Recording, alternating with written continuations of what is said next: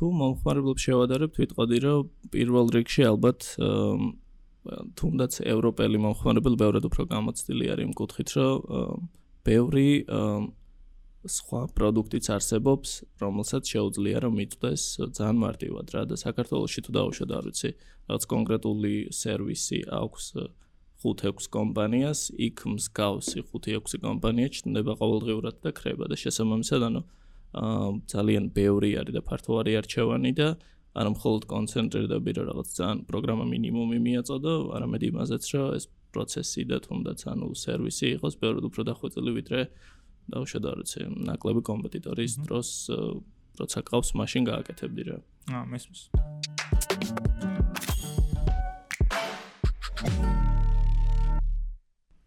მოგესალმებით, ეს არის დიზაინკასტის მე-15 ეპიზოდი, სადაც ტრადიციულად ისევ ტატოსთან ერთად განვაგრძობ ამ გადაცემას. ჩვენი დღევანდელი სტუმარი არის ძალიან საინტერესო ადამიანი, გიორგი სოსებაშვილი, სალამი გიო. სალამი, სალამი.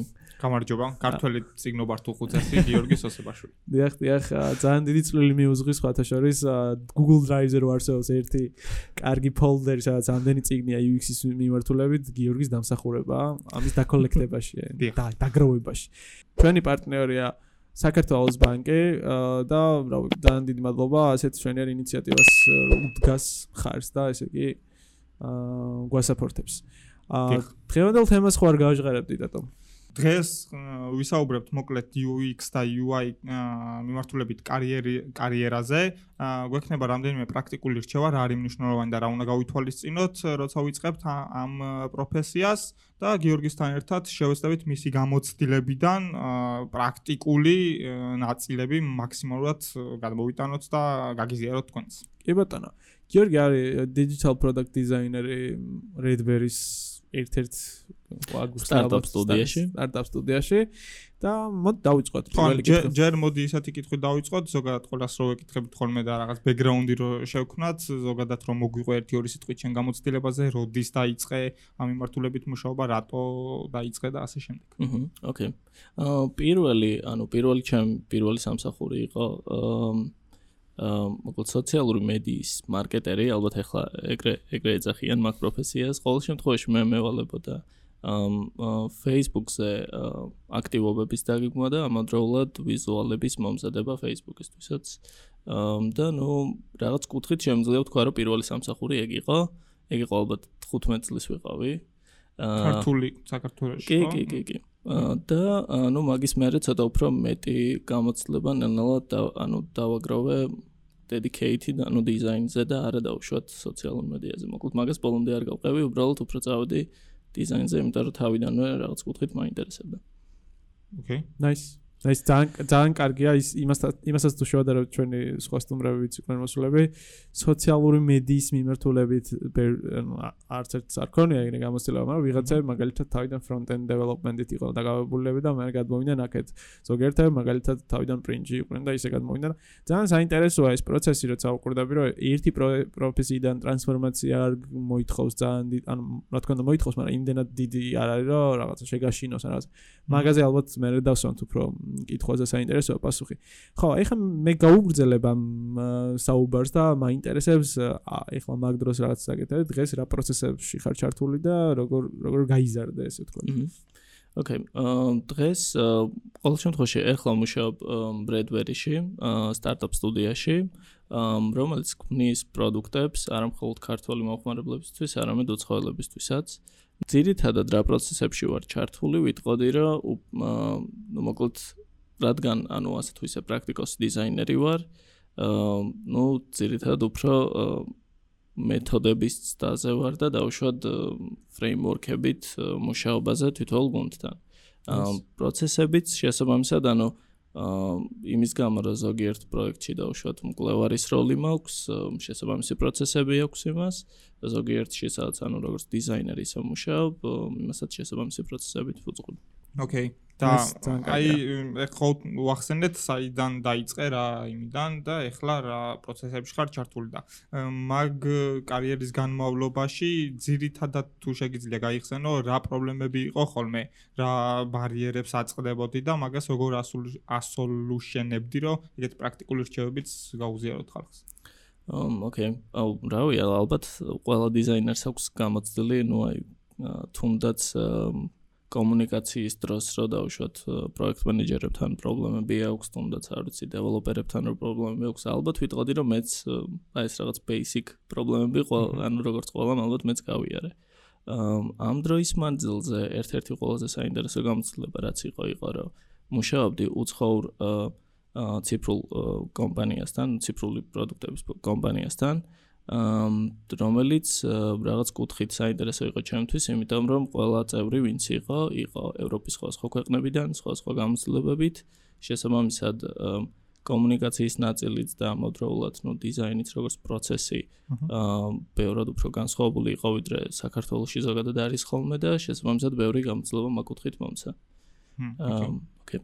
მან აი რა ძირითადად დი განსხვავებები შეიძლება იყოს რა როგორც ქართულ ისე უცხოურ, იმიტომ რომ ბევრ უცხოურ კომპანიაშიც გემუშავია, ბევრ ქართულშიც და რა სიჭერ ხოლმე მაგალითად მომხმარებლებიც რო შეადარო რა ქართული მომხმარებლები, უცხოურ მომხმარებლებს და ზოგადად კომპანიებიც რა სტრუქტურა ეგეთი რაღაცა. ხო, ანუ თუ მომხმარებლებს შევადარებთ, ვიტყოდი რომ პირველ რიგში ალბათ თუნდაც ევროპელი მომხმარებელი ბევრად უფრო გამოცდილი არის იმ კუთხით, რომ ბევრი სხვა პროდუქტიც არსებობს, რომელსაც შეუძლია რომ მიწდეს ძალიან მარტივად რა. და საქართველოსში თუ დავუშვათ არ ვიცი, რაღაც კონკრეტული სერვისი აქვს 5-6 კომპანიას, იქ მსგავსი 5-6 კომპანია ჩნდება ყოველდღიურად და ხრება და შესაბამისად ანუ ძალიან ბევრი არის და ფართო არის არჩევანი და არა მხოლოდ კონცენტრირდები რომ რაღაც ძალიან პროგრამა მინიმუმი მიაწოდო, არამედ იმაზეც რომ ეს პროცესი და თუნდაც ანუ სერვისი იყოს ბევრად უფრო დახვეწილი ვიდრე დაუშვათ არ ვიცი ნაკლები კომპეტიტორის დროს როცა ყავს მაშინ გააკეთებდი რა. აა მესმის. შენი არის ძალიან კარგი გამოცდილება იდეაში იმ ხალხისთვის ვისაც უცხოური ბაზარი აინტერესებს და ამაზე ხაზგასმა რომ ის კომპეტიტორი მეტი არსებობს რა თქმა უნდა უცხოეთ ჩეკ ძალიან ისეთია თავიდანვე დაიჭირა. მზადრო უნდა იყო. ხო, მზადრო იყვნენ. მინიმუმი ის მოთხოვნები მომხმარებლისგანაც უკვე ისეთია, რომ უფრო მაღალ სტანდარტებს ითხოვენ რა. ხო, და აი ამ პროექტ ეს პროექტები რო ახსენე და კიდე ერთი რაღაც სირთულეები ახლა მაინტერესებს, საინტერესო მხარეებიც რა იყო, ანუ სირთულეც არის საინტერესო რა თქმა უნდა, მაგრამ ის რაც დაგიტოვა, ანუ case study-ვით რაღაცა რო შეგეკრა, ანუ რა იყო ეგეთი პროდუქტი, რომელიც ძალიან აქეთკენ წაგიყვანა რა. მიგნება გააკეთე. აჰა, ოკეი. აა ყოველ შემთხვევაში მსგავსი, ანუ უფრო დაკვირვება მაქვს ვიდრე ვიტყოდი რაღაცა აი კონკრეტული ძალიან ისეთი გამოცდილება. ყოველ შემთხვევაში ვფიქრობ რომ ზოგჯერ არის ხოლმე რომ პროექტში დავუშვათ ჩართული დიზაინერი, აა რაღაცა პროცესების მერე შეიძლება აღიქმნოდეს ბევრად უფრო ნაკლებ წონიანად ვიდრე დავუშვათ არაკომპეტენტური დიზაინერი, თუნდაც გარეთ, არ ვიცი, თავის პროექტებს რო აკეთებდეს და ასე შემდეგ რა.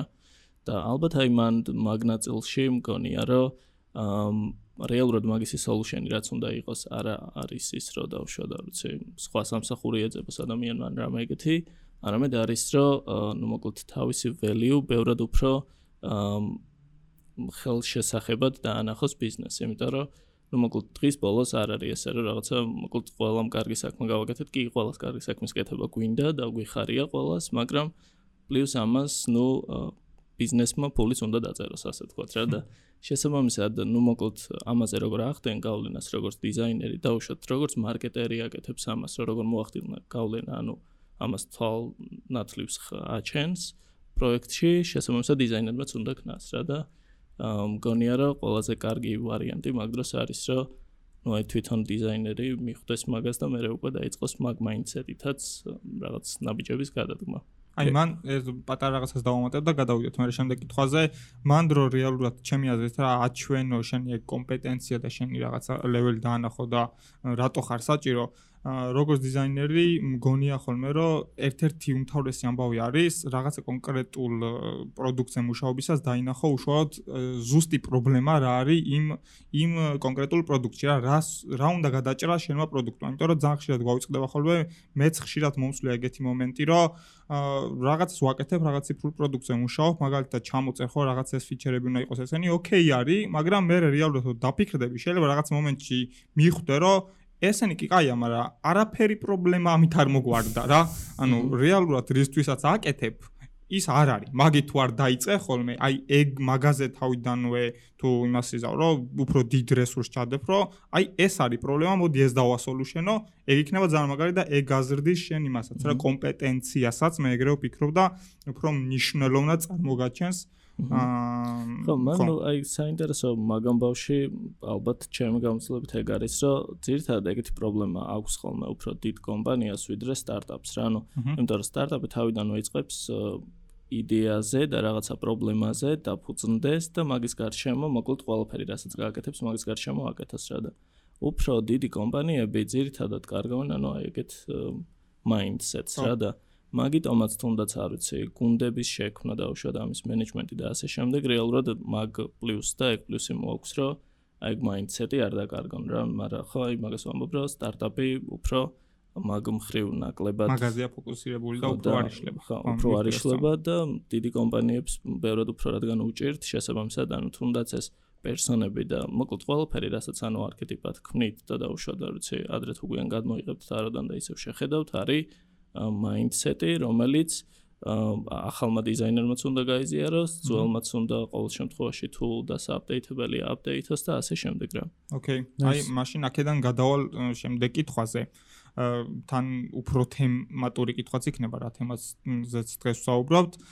წარმოიდგინე ეგეთ სიტუაცია, რომ აა გექნება ის დარწმუნებული გქონია ისე შემთხვევები, როცა დამსაქმებელი როცა ხარ შენ, ან როცა შენ მიდიხარ გასაუბრებაზე რა.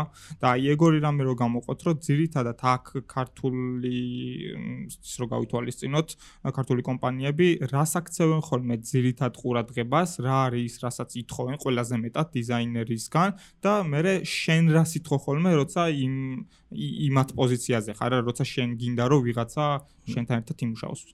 ხო, აი ეგ და პრინციპში ისიც რა დაუშვათ აი საქართველოს და ქართულ კომპანიებს და უცხოურ შორის რა სხვაობა, აი ორი რაღაც მგონია რომ ერთდროულად შეგვიძლია რომ შევაჯამოთ რა.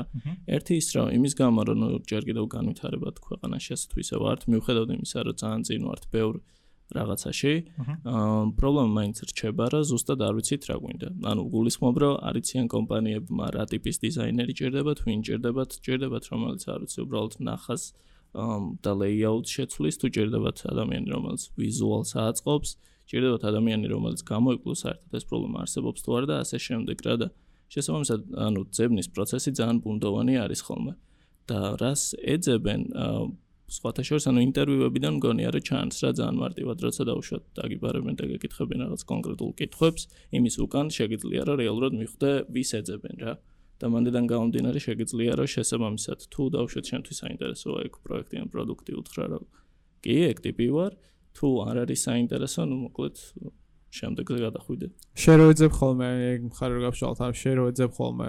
შენ ხო იცი რეალურად ვის ეძებ რა ანუ ყველა სფეროში თუნდაც რა მზარეულს ეძებ სანამ მოძებნის პროცესი დაიწყებ ხო უნდა მოძებნო ზარეული ვინარი არის ანუ ეს არის რა ქვია იტალიური გინდა რომ გააკეთოს რაღაცეები თუ ქართული ანუ რაღაცეები აკეთოს და შესაძლოა შენ რას აქცევ ხოლმე ყველა დიდ ყურადღებას რომ ეს ადამიანი იყოს ძალიან ემპათიური თუ იცოდეს ძალიან ლამაზი რაღაცა ღილაკების დახატვა თუ რა აი რა არის კონსპექტი ალბათ ისეთი რაღაც soft skill-ებიდან ალბათ ვეძებ რომ ხო აი რაც თქვით რაღაც კუთხით მიმღებლობა კონდეს რაღაცა სიახლეების მიმართ რა ანუ არ იყოს მარტო იმაზე დამოკიდებული. მიუხედავად იმისა რომ განსაზღვრული იქნება რა უნდა აკეთოს და დიზაინის ან თვითონ პროდუქტში რა წული უნდა შეიტანოს ამას გარდა კიდევ აა მოკლედ კონდეს მზაობა რა რაღაცა საინტერესო. ახალიც წადოს და გააკეთოს რა თუნდაც ახალების ძიებაში მყოფი ადამიანი. კი, ან ეგ ერთია და მე ამ კითხოს კიდე ჩავაწრულან მე ხა ეგ ძალიან საინტერესოა ვინმე თუ გვიყურებს ისეთი ადამიანი რომელიც კომპანიის წარმომადგენელია და თუნდაც სხვა კომპანიის წარმომადგენელი იყოს იურისტების კომპანიის წარმომადგენელი. სხვა სფერო. სხვა სფეროდან მოსული ადამიანი რომელსაც უბრალოდ კომპეტენცია გააჩინოს თავისთან რა. ან შენ რო წარმოედგინო ხარ რავი ეს ეხა რაც ხარ ეს ადამიანი და გინდა რომ ზარეული დაიქირავ რა სანამ იქ შეხვალ მანამდე ხო არის საჭირო რომ მოიძიო ინფორმაცია. ან სამეგობროში ან სანაცნობოში ან შენ ნეტვორკინგში გააშიარო რა არის აქ მნიშვნელოვანი სანამ ამ ადამიანს გავიცნობ მე რა. ასე თუ უდგები შენ საქმეს, ეგ არის ეგ არის მნიშვნელოვანი რა და თუ მასე არ უდგები შენ საქმეს და დილეტანტურად აი აიღებ და რაღაცა კონკრეტულს დააკოპირე, რომელიც არ გესმის, შენ კომპანიაში ის კომპეტენცია ვერ გაჩნდება, შენ თუ არ ხარ მან კომპეტენტური რაღაც დონეზე რა. მე ესე ვუყურებ ამ საკითხს და თუნდაც ეხლა რა ჩვენ რაღაც ვიდეოს ვიწერთ და რაღაც ეს კამერა არის რაღაც Lumix GH5 მე ავდექი და ვიღაცა ადამიანს ვკითხე ეს და გავიგერო ესე იგი ეს ყოფილა მაგარი კამერა. თუნდაც აქ რომ მიქსერი გვიდგას აუტო ინტერფეისი და რაღაც ამას ყველაფერს ვაკეთებ ეს ვკითხე მე ხო? და საქმეც იმაშია რომ ეხლა ჩვენ მანამდე დავდებთ იმ ეპიზოდს როცა მე და ტატუ საუბრობთ ამ ვაკანსიებზე იქნება აუცილებლად.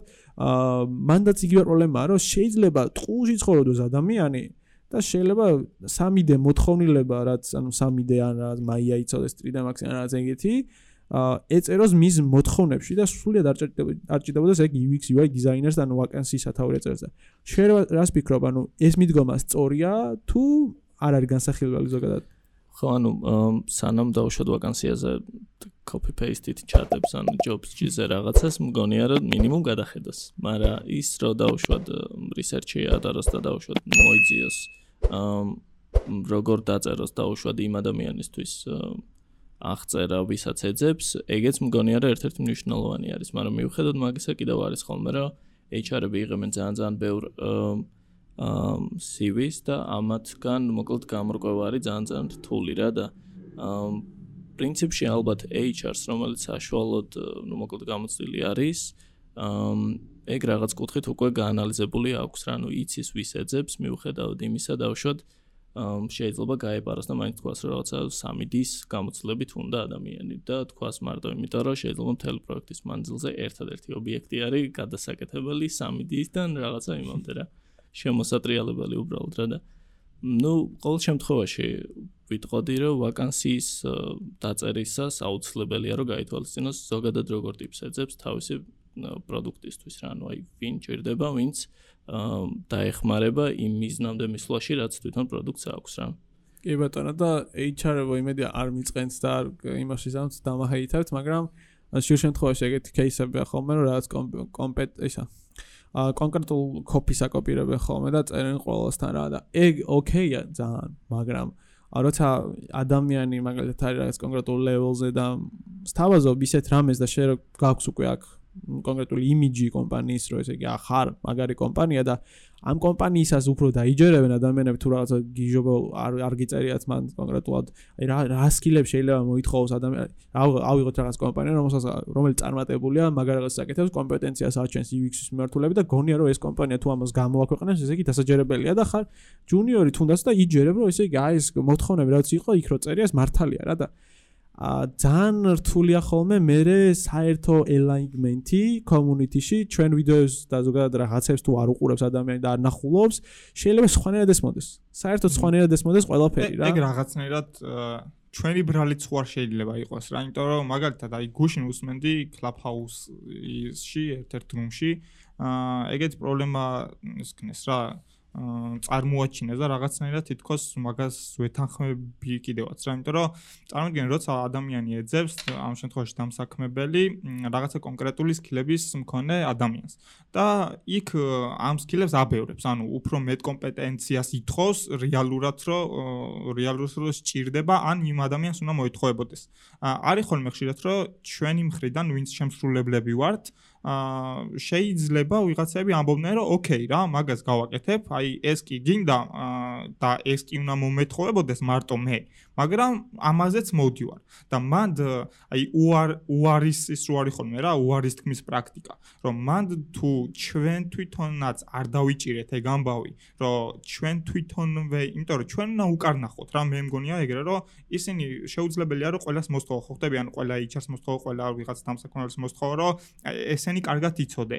უბრალოდ მე იმის თქმა მინდა რომ ჩვენ რაღაცნაირად უნდა შევეცადოთ კვეთრად გაუსვათ ხაზი რომ აი ეს კომპეტენცია უკვე სხვა რამეა ეს კომპეტენცია კი ბატონო ჩემი საქმეა და ოკეი რა მოდი შემდეგზე გაითვალისწინე იმიტომ რომ რაღაცნაირად მაინც ხო ჩვენ ვართ ის ბირთვი ვინც ეგ უნდა შექმნას რა მაქ სფეროს ამოძრავებს და მაგიტომ მგონია რომ რაღაცნაირად ჩვენი პასუხისმგებლობაც უფრო მეტია რა. იმაშიც გეთახმები რა თქმა უნდა, ნუ ეგ კარგი ამბავია რომ უნდა გაიკითხვა, მაგრამ ოკეი. ხო აი მაგ მაგის გამო თუ არ შვებიან, უბრალოდ რაღაცნაირად ჩვენ უფრო მეტი ინიციატივა უნდა შევიტანოთ. მაგის გამოგზავნებაზე კაკრას დავე ისა რა ქვია, დავემგზავრები ამ კითხვასაც, რომელიც ეხლა უნდა დავსვა, არის ის რომ ძირითადად რა განსხვავებებს გამოყოფდი ქართულსა და უცხოურ კომპანიებს შორის, ანუ პლუსები და მინუსები რა აქვს დამსაქმებელს.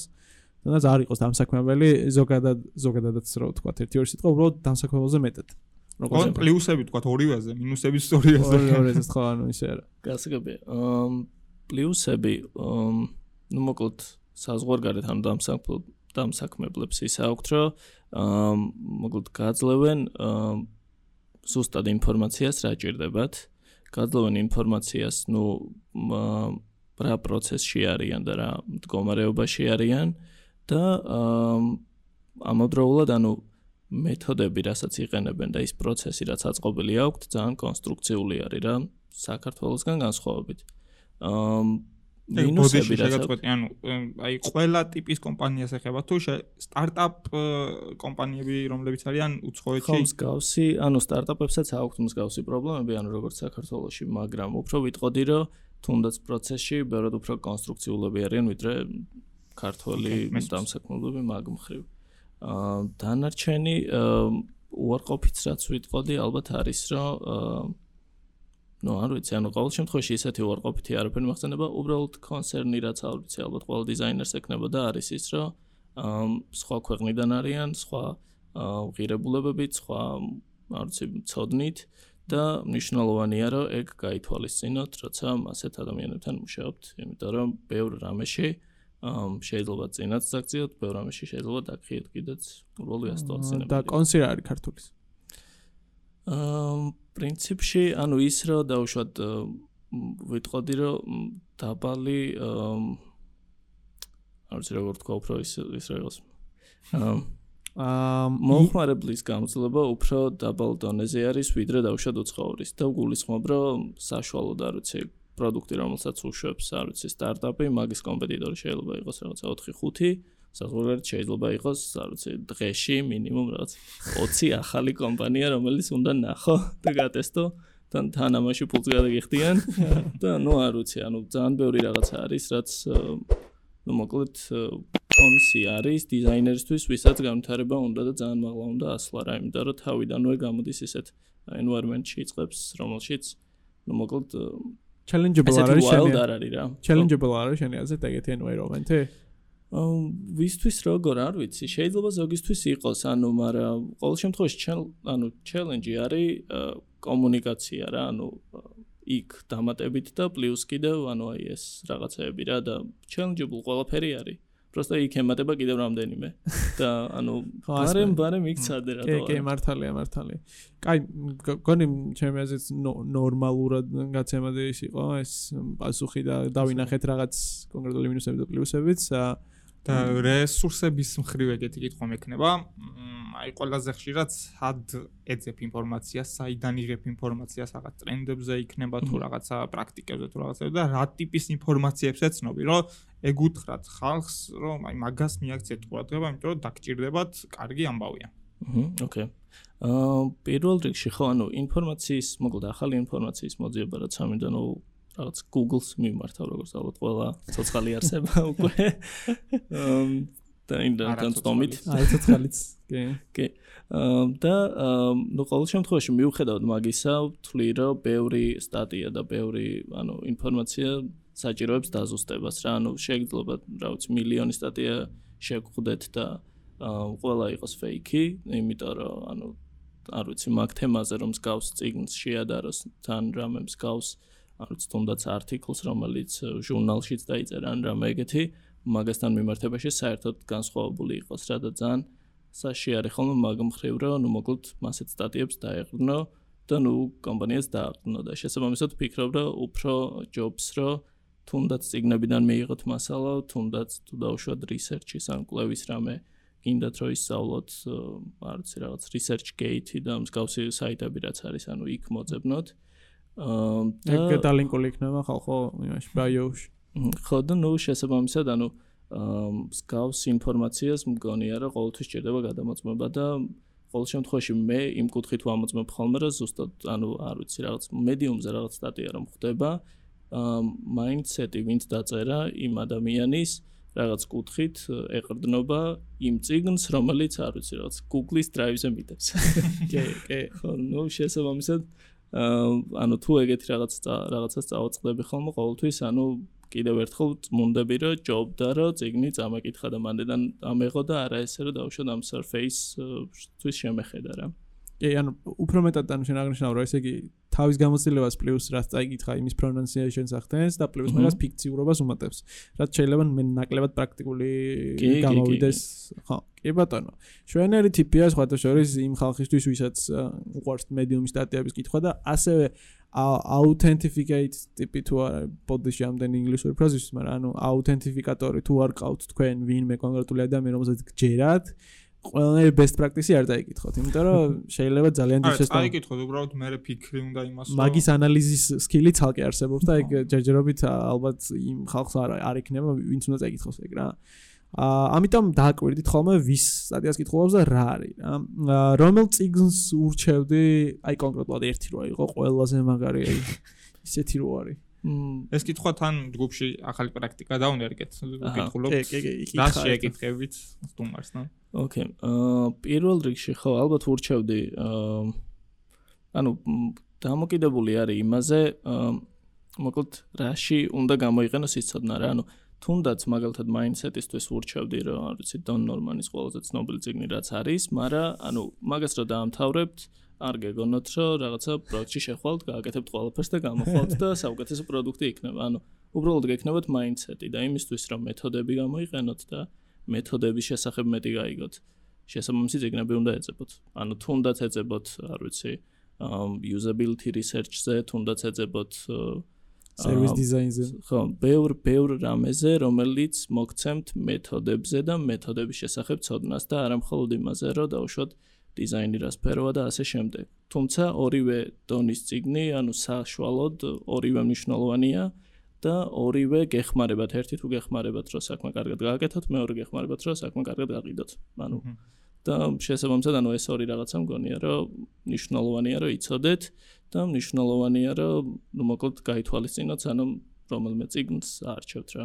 ხო. ა ბოლო ორი პასუხის შეჯამება რომ გავაკეთოთ არის რომ ის დრაივის ლინკი რომელიც გიორგიმ შექმნა გვექნება იმასაც ვიდეოს ქვევითაც და მაგას ხო ანუ ისეთი რა გულახდილად არა არა გულახდილად ძალიან კაი ციგნებია მან ნამდვილად ნამდვილად ასეა და რავი ძალიან დიდი მადლობა მაგრესოსის გაზიარებისთვის თავის დროზე და რამდენი ადამიანი კითხულობს ხოლმე მაგას აი წარმოიდგინე რა და ესე იგი ხალხი კითხულობს ამ ციგნებს ეს ძალიან კარგი რამეა. მიხარია თუ ეხმარები ხალხს.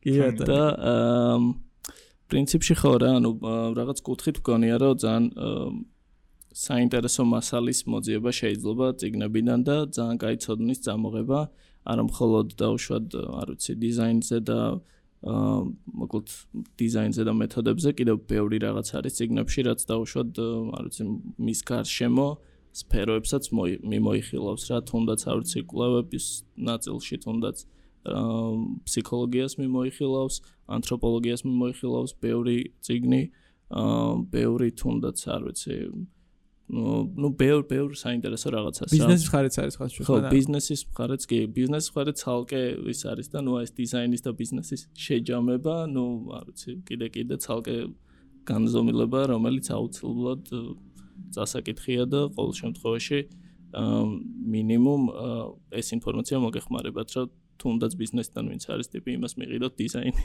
ნელ-ნელა აღოთ ყველაფერი ერთბაშად არა. ხო. ნელ-ნელა გააკეთეთ. ერთ ერთ კითხვას კიდე დავსვა, რომელიც ასევე ჯგუფიდან წამოვიღეთ. ეს საინტერესო კითხვა იყო. აა რა კითხეთო რატომ არ არის მისი აზრით საქართველოსში სტაჟირების პროგრამებიო და ამ განხრით ყველა რატო ეძებს რაღაცა სინიორ დიზაინერს 5-7-10 წლის გამოცდილებითო მაგაზე თუ გაქვს რამე კონკრეტული პასუხი ინსაიტი ხო რო ხო არ არის მაგდენი მოთხოვნა და მაგიტო არ არის თუ არა და ეგრე არ არის წესით რა. ნამდვილად ეგრეა. მოთხოვნა არის და რატო შეიძლება. ყოველ შემთხვევაში თუ პროფესიონალი იქნება ჯობია. ანუ ეგ არის ალბათ კომპანიის პი- პირველი ის რა ქვია იდეა, მაგრამ ხო მაგრამ ნუ აი წინაზე რაც ლაპარაკობდით არის რომ რეალურად ვინ ჭირდება შეიძლება ანუ აი მაგაზე პასუხით მიიღოს პროფესიონალი კი ჭირდება, მაგრამ რაში ჭირდება, რაში შეიძლება ანუ გამოცდალი იყოს, მაგრამ მაინც თვალები დახუჭოს და ასე შემდეგ რა, ანუ ამ და სტაჟირებას რაც შეეხება, ну ეგ კიდევ ცალკე სფერო არის, რომ სტაჟიორი თუ მოიყვანე, ვის უნდა ჩააბარო და ვინ ვინ უნდა მიხედოს რა, ანუ ვინ უნდა განავითაროს და აა ეგეც ცალკე თემა არის რომელიც ну აი ცალკე განსახილველია პლუს მაგისთვისაც რესურსი ცალკე არის მოსაძიებელი.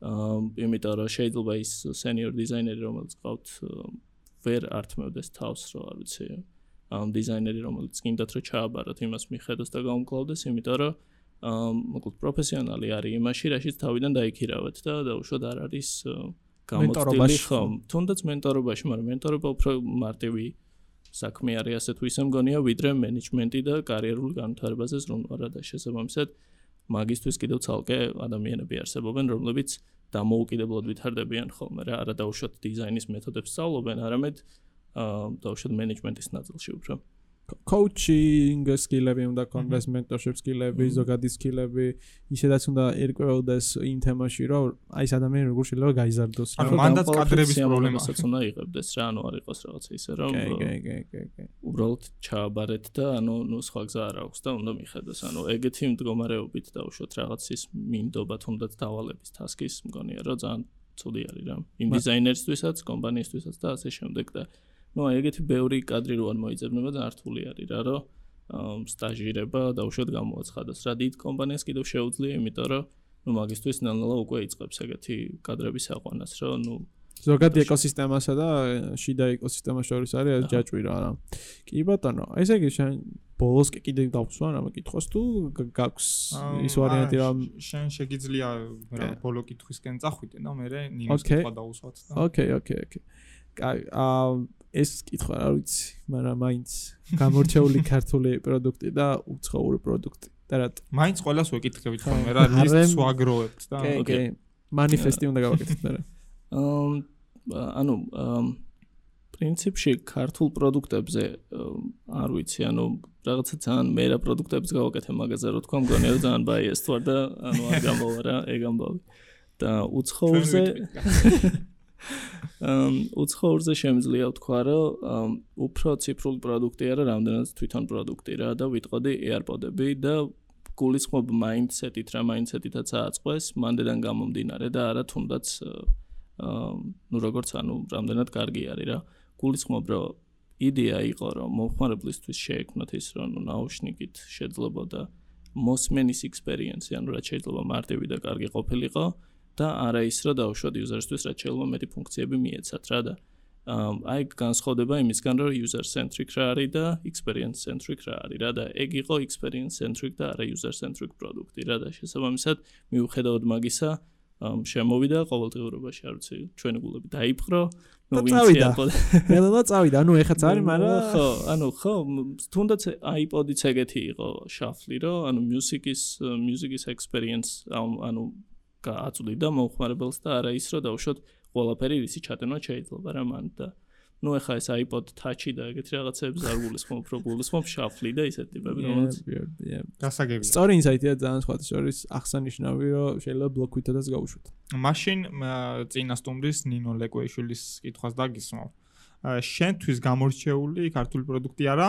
აა, პანდემიამ პროფესიული კუთხით რა დადებითი მოგიტანაო ეგეთი რამე აინტერესებს. ну ალბათ ყველა მაგას აღნიშნავს ხოლმე ყოველ შემთხვევაში მეტი დრო მომცა და მეტი დრო მომცა ციგნების საკითხავად რომელიც შემდრაისი გადავიკითხა მეორე კიდე პოდკასტის პარტნიორია Drive. Drive, Google Drive.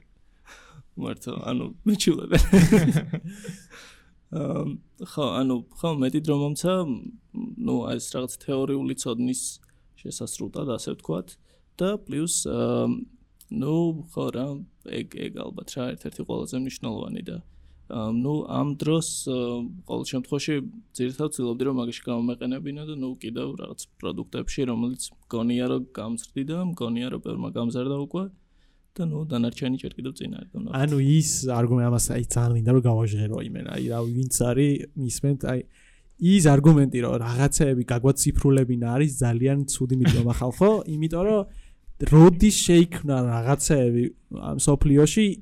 პანდემია კი არისო მაშინ. იმიტომ აკეთებდნენ მაგას რომ ესე იგი იყო დამოკიდებულება რომ აი ტრანსფორმაცია განეცადათ რა. და პანდემიას რო აბრალებთ რომ e-commerce გააკეთეთ ეგ არის სირცხვილი. ამაზე არ ვიცი დისლაიქები მოაყარეთ თუ გინდა არ არის პრობლემა. მოვიყვან იმ ადამიანს ვინც ეგ შეიძლება თქვას და პირდაპირ დავისვენ და დაველაპარაკე მაინტერესებს რატო ამბობს მაგას. იმიტომ რომ ეგ არ არის არგუმენტი. არგუმენტი არგუმენტი არის ის დაგხურო თუ არგუმენტი არის ის რომ აი ეს ასე რას თქვა რომ ესე იგი დროის გამოთავისუფლება მეტად ესე ვთქვა მე პირადადაც დააგეტატომაც რომ ეს რემოუთად მუშაობს ეს ხალხი და აი პრობლემა არ ქონიათ მან მაგრამ იმ ხალხისთვის ვინც ოფისებში დავეხეტებოდით გამოგვითავისუფლდა საკუთარი თავისის დრო ის კი არ ვაკეთებთ ახლა რაღაც სიტყვას გამოვიყენებთ და პახავთ და რაღაცა ცუც ვაკეთებთ ხო? პირიქით ბევრად ესე ცენტრირებული ვართ user centered ფოკუსირებულები ვართ ესე ვთქვათ პროდუქტზე და შეიძლება თქვა ბეტადაც მუშაობ რაღაც მომენტში კი ბაჩომ ხო ახსენა მაგის ტრანსფორმაციის დროს რომ ბევრად უფრო მეტს ვაკეთებდითო კი აი ბაჩოს ის იყო ვიდეო იყო მაღაზია მთლიანად და ანუ კიდევ ერთხელ ვინმე თუ მაგას იტყვის არ ვიცი აი ძალიან შევიშლები ჭკუასე რომ ვისაც ბაჩოს ვიდეო არ გაქვთ ნახი ხა ანუ ძალიან სწორად აღნიშნეს ოსებამ და მადლობა ამისთვის რომ clarify გაუკეთა ყველაფერს. და მე მე ხო დაამატებ რამეს? ხო ერთს ვიტყოდი რომ ნუ ეგ თავისუფალი დრო ცალკე არის და კიდევ ანუ მოგცა ის რომ კონცენტრაციის უნარი რა ანუ გულისხმობ რომ ეხლა უკვე უფრო კონცენტრირდები რა გინდა რომ გააკეთო და რა გინდა რომ მიიღო და ასე შემდეგ ვიდრე როცა ნუ ყოველ შემთხვევაში მიუხედავად იმისა რომ კარგია კლუბები გულაობა ყველაფერი ნუ ყოველ შემთხვევაში ეგ როცა არ გაქვს გაქვს თავისუფალი დრო რომელიც რაღაც კუთხით გეხმარება რომ მოკლედ გადააფასო რაღაცეები, რაღაცეები მეტად დააფასო რაღაცეები. გამოყენებაც უნდა მაგ დროს რა. ხო, იგავ შესაბამისად მე გამოიყენო როცა და და ეთერში რუბრიკა როცა გური ესე იგი სამ წამს აძლევს ადამიანს რომ შემდეგ კითხვა მოი ისა დაუსვას უნდა დავა 1 2 არ ვიცით ვინ იქნება? 3 არ ვიცით ვინ იქნება? დავა გისმენთ. ვერა. ვერას არ დაუსვა გისმენთ. um okay um ეხა პრობლემას ასოლებ წარმოიდგინე და უნდა ამოუჭრეთ თუ გინდა დრო.